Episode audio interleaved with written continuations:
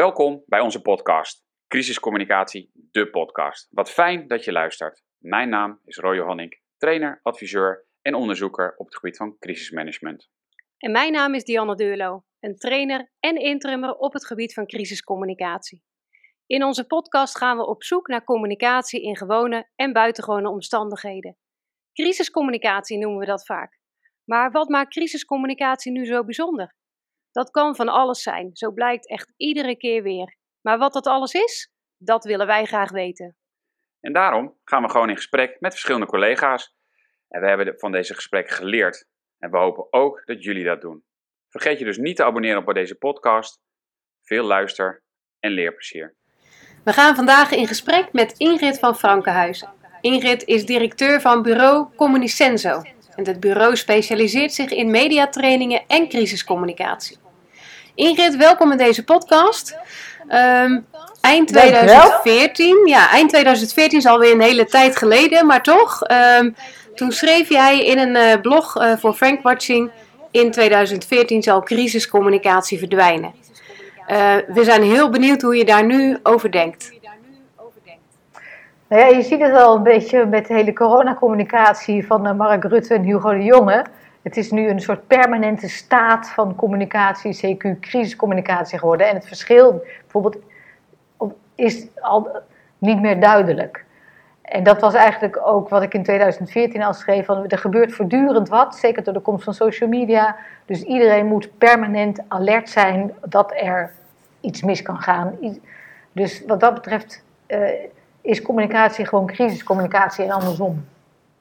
En daarin is de actualiteit denk ik wel het mooiste voorbeeld.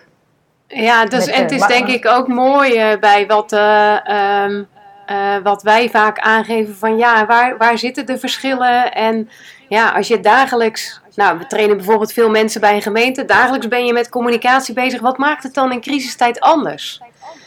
Um, de druk ja. en, en de, de tijdsdruk natuurlijk. Um, maar wat, wat bij crisiscommunicatie natuurlijk heel belangrijk is, is die voorbereiding. Het grappige is, ik geef ook nog wel trainingen en dan hebben we altijd een soort, ik noem het maar Twitter-battle. Uh, dan laten we twee groepen tegen elkaar uh, twitteren met gesloten accounts, hè, voor niemand leesbaar. Um, en dus de ene helft is altijd de organisatie en de andere helft is wat ik dan maar even noem het volk. En dan zie je altijd dat op, op het moment dat er druk ontstaat, we verzinnen dan een, een crisis, een casus, dan gebeurt er iets met die uh, woordvoering.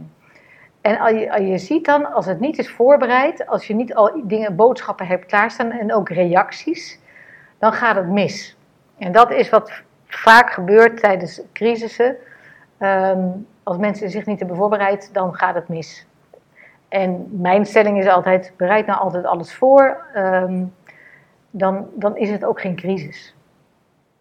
Mm maar dat, dat klinkt zo makkelijk. Want er zijn toch ook situaties waar je niet op. Ja, maar er zijn toch ook situaties waar je niet op kan voorbereiden, zegt iedereen altijd. Want niet alles is te voor te bereiden. Think the unthinkable, ja. Natuurlijk gebeuren er altijd dingen die je nooit van je leven had kunnen bedenken. Ik bedoel, de, de coronapandemie scenario's, die lagen ergens diep verstoft, denk ik, in de, in de, de bureaulades van menige organisatie. Omdat het een pandemie was iets uit films. En niet meer mhm. iets van ons dagelijks leven. Uh, dus dat was iets unthinkables. Um, maar ga daar zoveel mogelijk vanuit en bereid je ook daarop voor. En leg dat vast in een soort scenario. En als het dan gebeurt, dan hoef je niet het wiel opnieuw te gaan uitvinden. En die permanente alertheid. Je zegt kiescommunicatie is eigenlijk hetzelfde, misschien wel als wat we elke dag moeten doen. We moeten continu aanstaan, permanent alert zijn op wat kan er met onze organisatie gebeuren ja, en dan niet in de paniekmodus. Niet in de paniekmodus, maar gewoon als realiteit dat er altijd wel iets gebeurt. Iets onverwachts.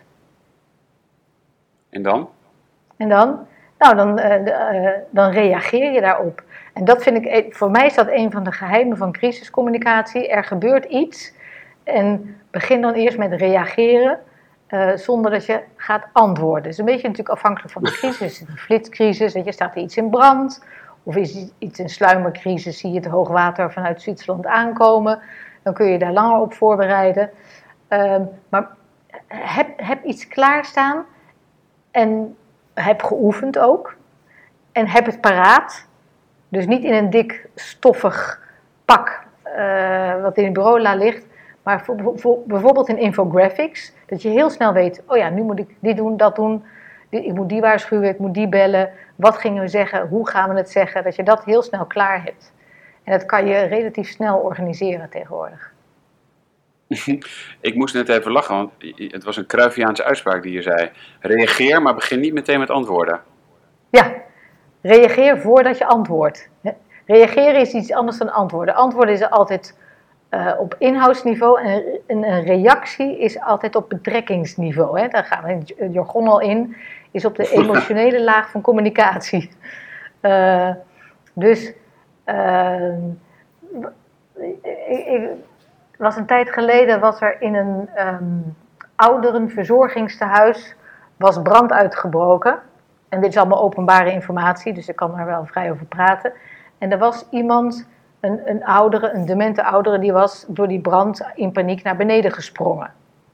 En dood. Ja, dat is een afschuwelijk hmm. verhaal. Afschuwelijk verhaal. Nou, wat doen mensen tegenwoordig?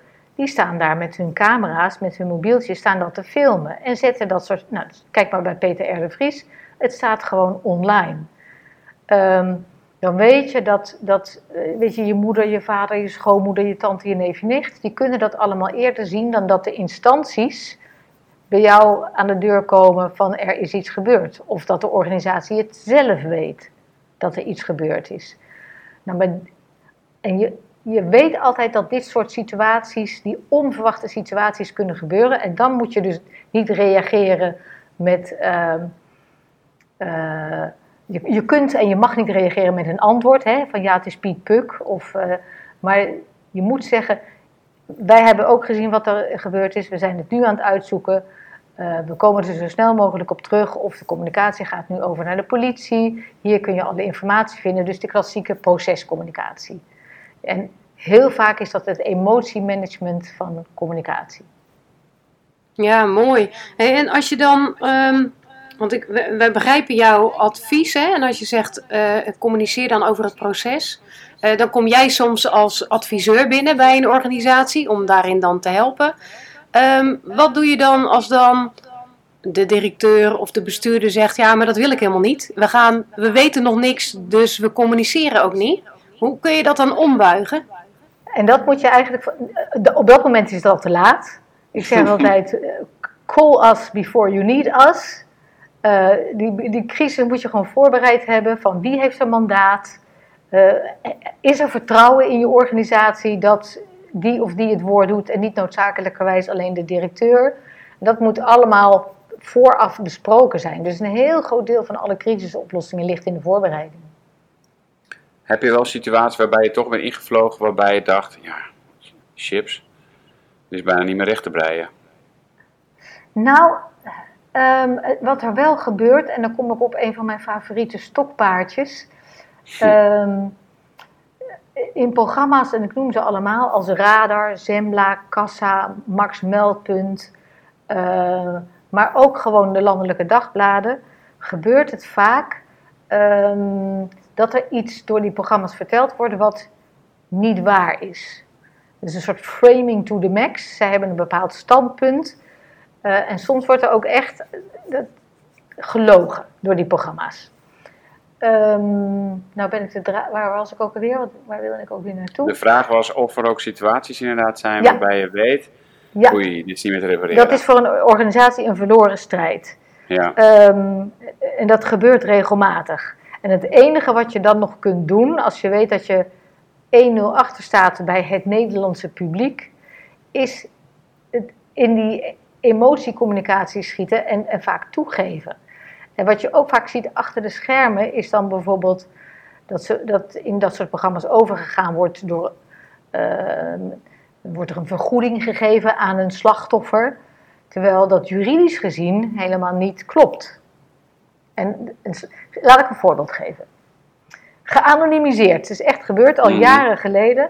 Er was een, een telefoonmaatschappij en een, een zakenman ging op zakenreis naar Barcelona. En die ging s'avonds natuurlijk de Ramlas op. En die werd uiteraard gerold. Zijn telefoon was weg. En dat was nog in de tijd uh, dat ze dan vervolgens criminelen met de buitenlandse 06-nummers gingen bellen. Um, en, en wat er bij telefoonmaatschappijen gebeurt, net als bij creditcardmaatschappijen, is dat ze op een gegeven moment een seintje krijgen van hé, hey, dit is raar telefoongedrag. Mm creditcardmaatschappijen die zien, jij geeft elke keer hier en daar je geld aan uit. Uh, maar doe jij iets raars, dan komt er via een algoritme een alert van: hey, Roy geeft nu dit uit. Dat is een raar patroon, even in de gaten houden. En dat doen telefoonmaatschappijen ook. Zo van, die belt vaak naar zijn moeder, die belt vaak naar zijn vader. Hé, hey, er wordt ineens naar uh, een, een, Balkanland uh, heel veel gebeld. Um, dus de, de telefoonmaatschappij had de telefoon van deze meneer geblokkeerd. Uh, je bent dan, wat, wat wij met z'n allen niet weten, is dat als je uh, een telefoon koopt of een abonnement koopt, ben je verplicht om, als je telefoon gestolen wordt, dat te melden bij de politie. Dat doen heel veel mensen niet, maar je bent het verplicht in de kleine lettertjes. En je bent het verplicht te melden bij de telefoonmaatschappij. Weten wij ook allemaal niet waar we voor tekenen op dat moment. Oké. um, Dank voor deze twee tips. Ja, uh, en dat had deze meneer dus niet gedaan. Die was er waarschijnlijk met zijn dronken hoofd s'nachts in het hotel achtergekomen dat hij geen telefoon meer had.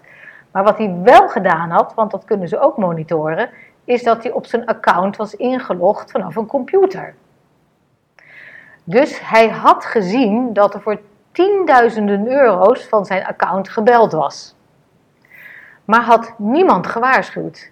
Niet de telefoonmaatschappij was uiteindelijk ook niet naar de politie gegaan. Dus deze meneer kreeg een rekening van tienduizenden euro's gepresenteerd en zat toen in een van deze consumentenprogramma's van Help. Uh, kijk nou eens hoe gemeen ze zijn met deze telefoonmaatschappij. De telefoonmaatschappij mag vanwege privacyregels dan natuurlijk niks zeggen over de betreffende klant, over het betreffende dossier.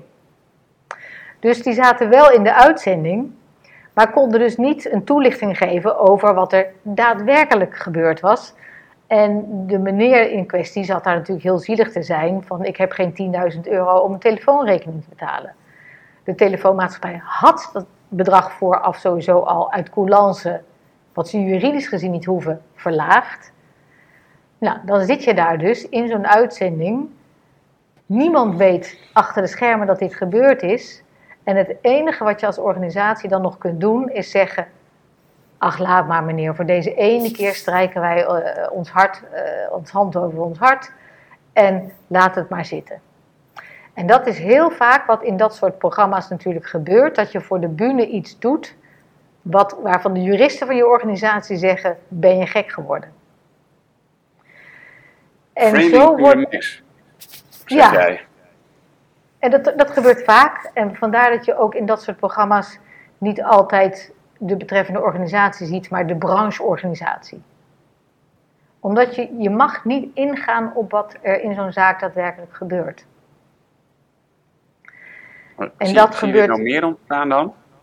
Sorry? Want je zegt, dit, dit, ontstaat dan meer, want eigenlijk zeg je van framing to the max, je zit in een situatie die niet waar is. Ja. Ja, je kan een beetje processie voor geven, maar die processie voor kan je ook nu niet geven. Dus je kan eigenlijk helemaal niks. Nee, je kan helemaal niks. Nee, het enige is dat je sympathie kunt winnen op die emotielaag. Dat is het enige wat je kunt doen.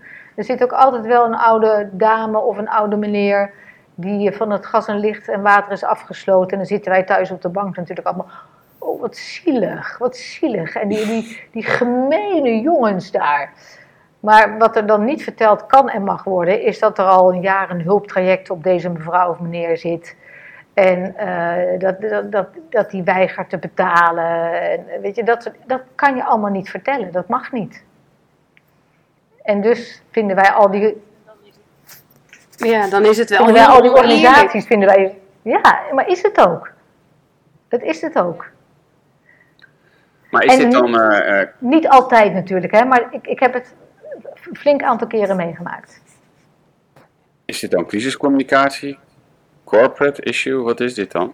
Allebei, want het is natuurlijk crisis, want er zitten miljoenen mensen te kijken naar dat soort programma's. Dat gebeurt ook met kranten, die lezen natuurlijk, dus in dat opzicht is het crisis.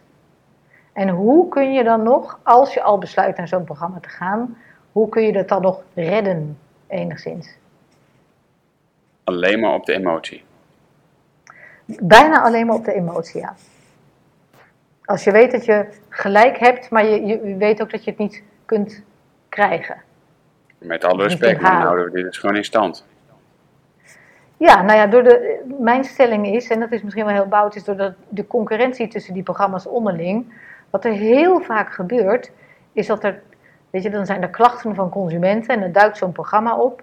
En dan tijdens de research blijkt dat het verhaal natuurlijk genuanceerder ligt dan de klanten zeggen.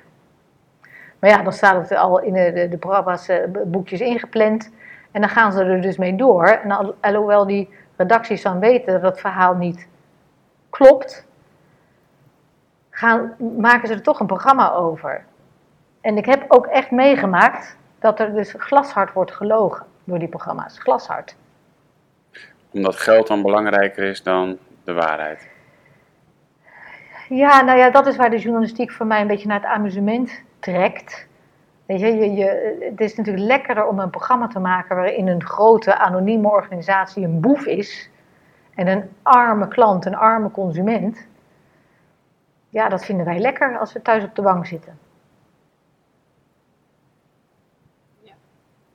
Ja, maar ik zit wel echt te denken, want ik, ik, ik heb dat vermoeden wel vaker. En je bevestigt misschien wel als ik wat zie. Maar dan, dan kun je dus niet tegen wapenen. Het is gewoon buig maar mee, nee. wil ik je zeggen. Nou ja, wat, vandaar dus dat die brancheorganisaties vaak inspringen. Die nemen het dan over, omdat het dan niet een één op één uh, ding, zaak wordt. Maar, maar ook, weet je, uh, bij, bij andere programma's wordt in de montage zo gesleuteld dat er op lettergrepen geknipt wordt. En je dus net iets anders zegt dan je in een, vaak ook in een andere context bedoeld hebt. En dat gebeurt ook bij kranten. Is dan soms ook jouw advies, uh, ga er maar helemaal niet heen? Of is toch wel ja. altijd het ja. advies, ga wel gewoon? Steeds, steeds, steeds vaker. Het, ligt er een beetje aan. Uh, niet alle programma's zijn even erg, maar uh, sommige programma's zijn zo erg dat als ik het woord hoor, dat ik zeg, niet doen. Omdat die dus een ander belang hebben, hoor ik je zeggen. Die hebben een belang, ja. amusement, dan wel gewoon geld verdienen, want daar gaat het ook voor een deel om.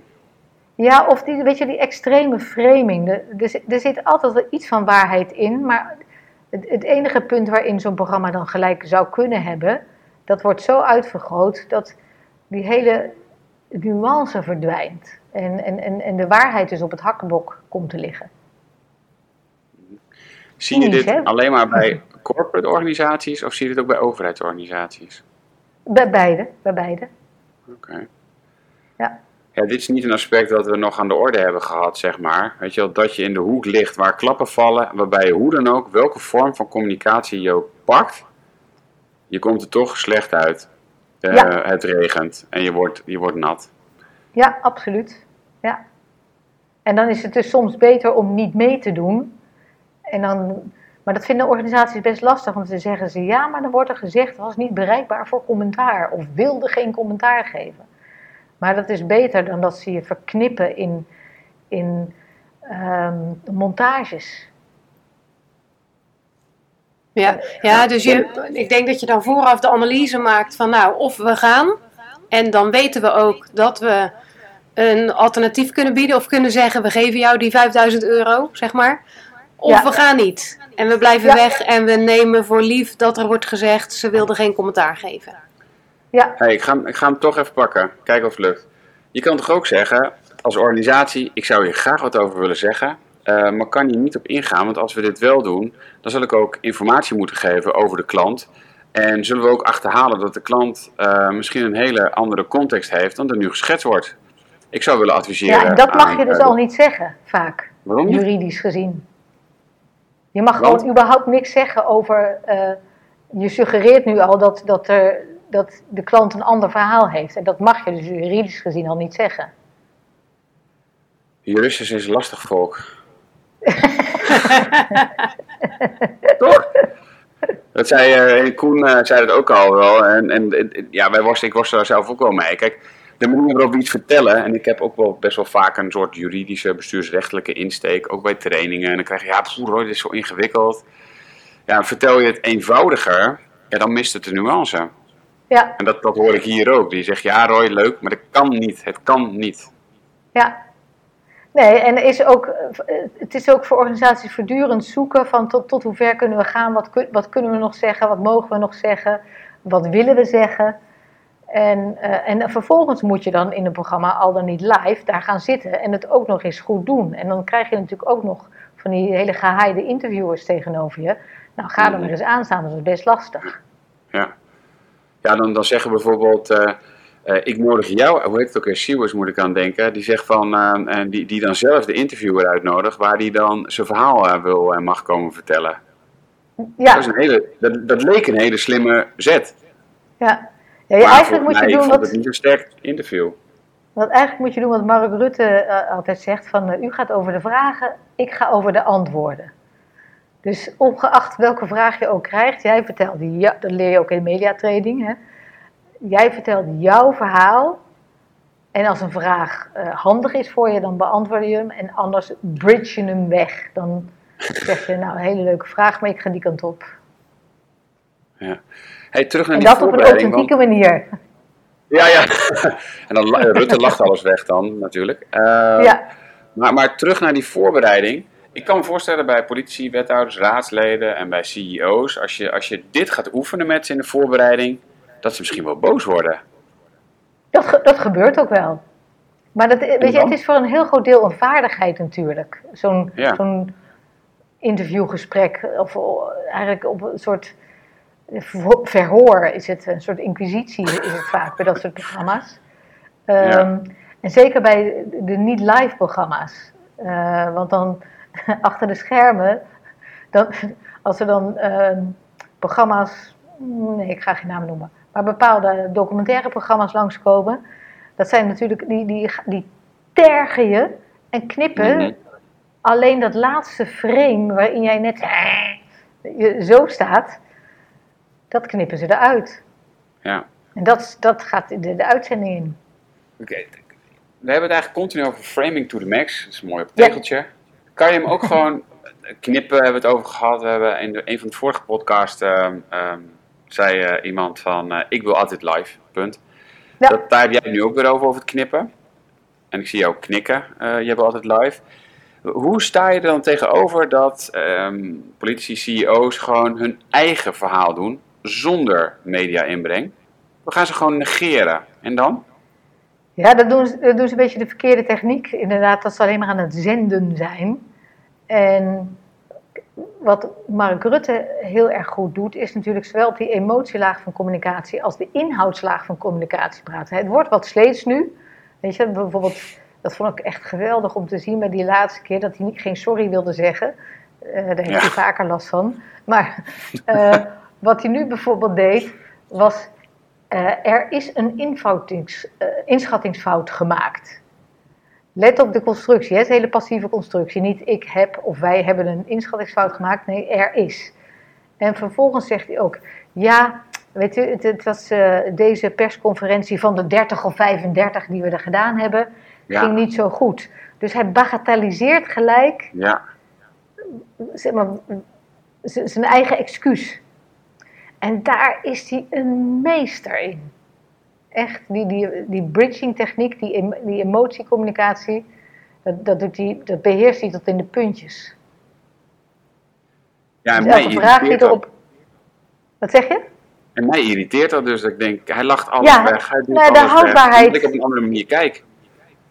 De, de houdbaarheid begint bij, bij, wat dat betreft bij Rutte natuurlijk ook te slijten. En de, de, de, de scheurtjes komen erin. En we, we, we zien de trucjes inmiddels. En de, en de, de truc is altijd om het, Ja, ik wou net truc zeggen is om het inderdaad. Het authentiek is, te doen. ja, ja, en dat, dat ehm, nou, ik denk dat wat je zegt, die houdbaarheid, je, op mensen gaan het nu herkennen en zien en eh, oh, nou gebeurt het weer. En dan, ja, wat doet het dan met je betrouwbaarheid, hè? En met je, Maar ja, hij heeft wel heel veel kiezers. Ja, nog steeds. Ja, Maar eigenlijk, je zegt eigenlijk wel, het, het kan niet. Want ik denk dat dan, als de media blijkbaar soms ook zo aan het framen is en ons in een bepaalde manier wil, dan zeg, je, dan zeg je ook niet, dat had ik verwacht misschien. Weet je, ga communiceer gewoon zelf. Maar zeg ja, dat kan niet, want dat is geen communiceren, dat is zenden. Nee, je, je kan wel zelf communiceren, maar doe het op zo'n manier. Ehm, bijvoorbeeld in een interviewvorm, dat het wel een gesprek is. Maar weet heel goed van tevoren welk, je verhaal, welk verhaal je wil vertellen aan je publiek. En stuur daar telkens, keer telkens terug op dat pad, stuur daar telkens naar terug. Ja, en dat is toch de voorbereiding. En dan de voorbereiding ehm, als focus je eigen verhaal. Hè? En ik heb uh, altijd geleerd, uh, toen ik net begon, en ook net met mediatraining begon, heb ik ook wel eens een keer gezegd: ja, je moet ook uh, nadenken welke vragen je allemaal kan krijgen en die antwoorden gaan bedenken op elke mogelijke vraag. Ja, totdat net die ene vraag wordt gesteld die je niet hebt voorbereid. En als je dan niet je eigen verhaal hebt gemaakt, ja, dan ga je, dan ben je weg, hè? Dus. Ja. Ja, en dan kun je terugvallen op die bridging techniek door te zeggen van, uh, nou, ik ben gelijk helemaal van mijn apropos. Terwijl je dat zinnetje zegt, zo'n bridging zin, doe je die rugzak open weer met je eigen boodschappen. En, eh, en dan kan je zeggen, nou, weet je wat nog veel interessanter is, of zoals Mark Rutte doet, ja, dat is een goede vraag, maar er gaat nog een vraag aan vooraf. Ja. En die vraag luidt, en dan stelt hij de vraag zichzelf. Weet je, dat is zoals ja, hij dus, dus, je, ja, dus je kernboodschap helder hebben, je eigen verhaal bepalen. Ja. Maar, maar zijn Q&A's dan oud? Q&A's zijn oud, dus je hebt alleen maar een kernboodschap nodig. Nee, die Q&A's die zijn wel handig om, om uh, de onverwachte vragen op te vangen. Maar maak ze vooral op de voor de hand liggende vragen. En, en de onverwachte vragen, en dat zijn vaak persoonlijke vragen, die kun je altijd opvangen met die bridging techniek. Maar dat is, dat is hartstikke moeilijk. Ja, dat, uh, dat weet ik. Uit, uh, ja, ook uit, uh, uit de trainingen die we zelf geven. Hè? Omdat, en het, als je het voorbespreekt, lijkt het heel makkelijk. totdat het vuur aan de schenen wordt gelegd tijdens een interview. Ja, dan is het, het is gewoon lastig. Je moet het echt oefenen. Je moet het echt... Ja, en dan nog geen garanties. Ik zat zelf een keer in een radio-uitzending. Ik had een heel mooi verhaal geschreven over wat het communicatiepatroon van um, mannen was die beschuldigd werden in MeToo-zaken. Weet je, wat, wat die allemaal doen. Die hebben een soort standaard patroon, zit erin. Daar had ik een artikel over geschreven, toen zat ik in een uitzending. En, en nou, ik had me helemaal goed voorbereid. Ik wist precies wat ik wilde gaan zeggen. En ik wist ook wie de andere gasten in het programma waren. En een daarvan was een soort uh, cabaretier, een beetje zo'n zo'n stoorzender, werd hij altijd voor ingehuurd. En ik dacht, nou, die komt voor zijn column en daarna gaat hij weg. Maar wat ik niet goed voorbereid had, was dat hij er het hele uur bij zat. Dus ik al die intelligente dingen zeggen over uh, die, communicatiepatronen. En op een gegeven moment zei hij tegen mij, echt als een, soort persoonlijke aanval. Uh, hij, hij, komt ook uit Den Haag, dus hij zei: Je mag tegenwoordig ook helemaal niks meer, je mag nergens meer aanzitten. en ik nog, weet je, heel beteuterd van, oh, uh, maar het is heel erg hoor, om verkracht te worden. Weet je, in plaats van dat ik denk, of dat ik ging, ging bridgen en zou zeggen van, ja, maar het is ook een verwarrende tijd. Je, het was toen net MeToo allemaal uitbrak.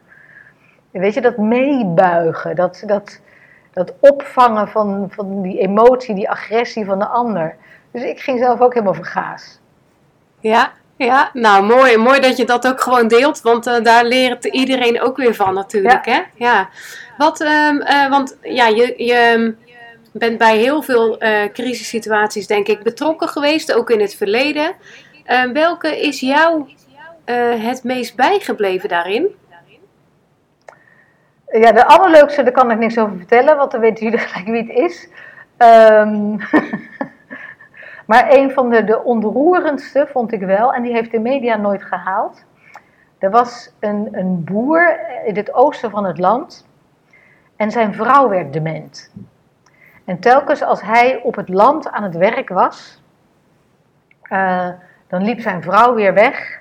En als hij dan terugkwam, dan was het weer de, politie uh, met zijn vrouw kwam weer aanzetten of een andere hulpinstantie.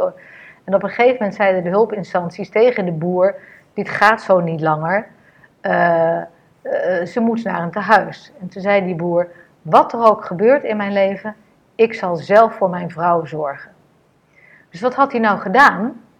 Hij had prikkeldraad op het erf gespannen van zijn boerderij. En maar juridisch gezien is dat vrijheidsberoving. Dus de hulpinstanties hadden zoiets van, ja, dit kan niet, dit mag niet. Dus er kwam een crisisgesprek met, met, met de boer. En uh, toen zei de boer, ja, zij is de hele leven op boerderijen geweest. En ze is erop opgegroeid. En zelfs nu dement is, weet ze nog wat prikkeldraad is. Dus zij zal niet in het prikkeldraad gaan lopen. En dat is mijn manier om haar thuis te houden. Maar ja, die hulpinstanties konden natuurlijk niet haar naar het prikkeldraad gaan duwen om te kijken of dat daadwerkelijk zo was. Nou, je, op, dat, op dat cruciale moment, weet je, als dit uitlekt door bijvoorbeeld de boer of de dochter van de zoon die Hart van Nederland belt. En die dan zegt van, uh, kijk eens hoe cru ze zijn. Ehm, eh, mijn arme vader en moeder worden nu gescheiden. En de politie en justitie en de zorginstellingen, die zijn heel vreed. Nou, dan, dan sta je als instantie al 1-0 achter. Uh, en dan is het dus zaak om dat in goede banen te leiden. Uh, en dit heeft het, dus ook het nieuws niet gehaald. Maar dat is wel een van de zaken die, ja, die, die even verdrietig als hartverwarmend was, vond ik. En wat is jouw rol daar dan in?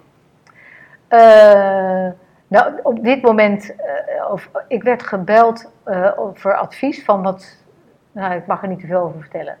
Ehm, van hoe kunnen we dit aanpakken? Weet je, zodat we mhm. niet als die vreselijke organisatie gezien worden die deze uh, lieve mensen scheidt. Maar het was ook, weet je, het was ook gevaarlijk. Want zij, zij, zij liep in sloten, uh, weet je, ze liep bijna onder auto's. Zo, de, zo dement was ze ook mhm. al. Dus het was, was voor beide partijen wat te zeggen.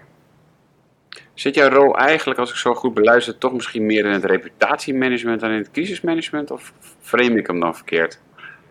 Uh, beide, want dit, dit was acuut. Uh, maar het advies van hoe je zaken voor moet zijn, laat ik het zo zeggen, dat, dat doe ik ook wel. Maar het leukste vind ik gewoon als ergens iets gebeurt. Of dreigt te gaan gebeuren. Maar, maar zit dan het acute, zeg je dat is dan crisiscommunicatie voor jouw geval meer? En reputatiemanagement is langduriger? Of hoe, waar zit ja, voor jou het verschil? Een deel van reputatiemanagement is het voorbereiden van wat als er iets gebeurt. Van hoe vang je dat dan op? Hoe, doe je, hoe ga je daarmee om? En crisiscommunicatie is dan when the shit hits the fan? Ja, en, en dan het verschil dan is dat je dan je focus weer hebt op de doelgroep. Want dat hoor ik je toch wel nadrukkelijk zeggen. Op de slachtoffers, op de mensen die het overkomt. Maar je ziet ook de organisatie als slachtoffer, hoor ik heel duidelijk in je verhaal terug. Ja hoor, ik, ik, zeg, uh, ik uh, werk ook zeg maar met daders. Mensen die dingen verkeerd hebben gedaan. Mm -hmm. En waar help je ze dan in? In de manier waarop zij de media te woord moet staan? Ja, of? precies. In, in, van hoe, hoe kun je dat uh, zo zeggen Um, ja, dat, je, ja, dat je toch goed overkomt. Dat je, dat je niet alle vertrouwen in, in de organisatie verliest. Ja, een, wij gebruiken altijd vier doelen inderdaad. En een van die doelen is vertrouwen. Dus eigenlijk, jij managt eigenlijk vooral het vertrouwen, heb ik het idee. Minder de, misschien de maatschappelijke onrust, maar je bent een vertrouwensmanager. Ook, ook. En, en, en, en ook, ik ben ook gek op woorden. Ik vind niks leuker dan dan crisisboodschappen samenstellen. Vind ik heerlijk. Dat doe je voor je hobby ook? Uh, ja. maar hoe, kijk je dan ook zo naar het nieuws? Dus de, de, ja. De, dan zit ik, dan zit ik, eh, we hebben twee banken in de huiskamer. Mijn man ligt op de ene bank en ik lig op de andere bank. En dan, dan gebeurt er ergens iets. En dan, mijn man is al helemaal gedrild. Die zit in een heel ander vak dan ik. Um, en die weet, dat is misschien wel een heel leuk verhaal om te vertellen persoonlijke crisiscommunicatie. Wij waren ons huis aan het verbouwen. Dus er stond zo'n bouwcontainer voor de deur. En uh, wij sliepen aan de achterkant van ons huis. En s'nachts werd die container door, nou, door een paar jochies in de, de, fik gestoken. Dus de brandweer was erbij gekomen. Maar wij hadden niks in de gaten. Wij sliepen aan de achterkant van het huis. En op een gegeven moment ging de voordeur, de bel. En um, stond de politie voor de deur van ja, er staan allerlei uh, straatbewoners en die zijn laaiend, want er zijn allemaal zwarte roetvlekken op hun auto's gekomen door het blussen van de brand. En uh, u mag die crisiscommunicatie zelf gaan doen, want ze staan te schuimbekken. Um, nou, mijn man en ik, wij kleden ons aan. En op dat moment train ik mijn man, die er al bedreven in is. Heel kort heb ik hem even getraind van wat er ook gebeurt. Meebuigen, meebuigen, meebuigen, meebuigen. Dus niet zeggen, ja, hallo, wij hebben dat ding niet in de fik gestoken. Maar, want dat is inhoud. Maar meebuigen, uh, echt zo van, oh wat erg hè, je nieuwe BMW. En oh jeetje. Dus meebuigen. En we hadden ook een bezem gepakt hè, voor het handelingsperspectief. uh, zodat wij ook gelijk aan het ruimen konden. Dus mijn man die, die kwam al die, die voordeur uit ongeveer kromgebogen van het meebuigen. Van oh wat erg voor je auto en uh, dit gaan we oplossen en uh, hoe kunnen we je helpen en jeetje mina. Terwijl de brandweer had al gezegd dat die zwarte roetdeeltjes, weet je, één keer door de was gaat en ze zijn er af. Die richten geen schade aan. Maar dat wilden de mensen natuurlijk niet horen. Want ja, dat, dit was hun kind, het was hun auto. Dus wij hebben inderdaad meebuigen, meebuigen, meebuigen, crisiscommunicatie, crisiscommunicatie. En een uur later stonden we gewoon met z'n allen biertjes te drinken midden in de nacht op straat. en hebben jullie de wasstraat betaald? Nee, uiteindelijk niet, want niemand vroeg Maar we hadden het zo gedaan, geen probleem. Ja, mooi. En leuk om even deze persoonlijke ervaring uh, er nog in te brengen. En eigenlijk, ja, als we dan het hele gesprek zo eens terugluisteren, dan, uh, ja, dan, dan, is, het, dan is eigenlijk crisiscommunicatie, emotiecommunicatie misschien wel, hè, zoals jij het zei. En, ja. ja, heel groot deel, ja. Ja, ja. ja dat is mooi. Mijn, uh, meebuigen. Ja, meebuigen, sympathie winnen, uh, rekening houden met die framing. En ook heel duidelijk wat jij zegt is, uh, ja, bereid je gewoon voor. En dat kan te alle tijden. En natuurlijk kun je niet elk scenario tot in detail um, bedenken en uitwerken. Maar de voorbereiding over wat je zelf doet en wat je zelf wil vertellen, kan altijd. Precies. Mooi samengevat. Nou, mooi. Um, Ingrid, dankjewel. Dankjewel voor je tijd. Uh, dat je even dit gesprek uh, met ons wilde voeren. Bedankt voor het luisteren. Wil je meer horen van onze zoektocht naar wat crisiscommunicatie zo bijzonder maakt? Vergeet je dan niet te abonneren op onze podcast. Tot een volgende keer. En delen, dat mag uiteraard.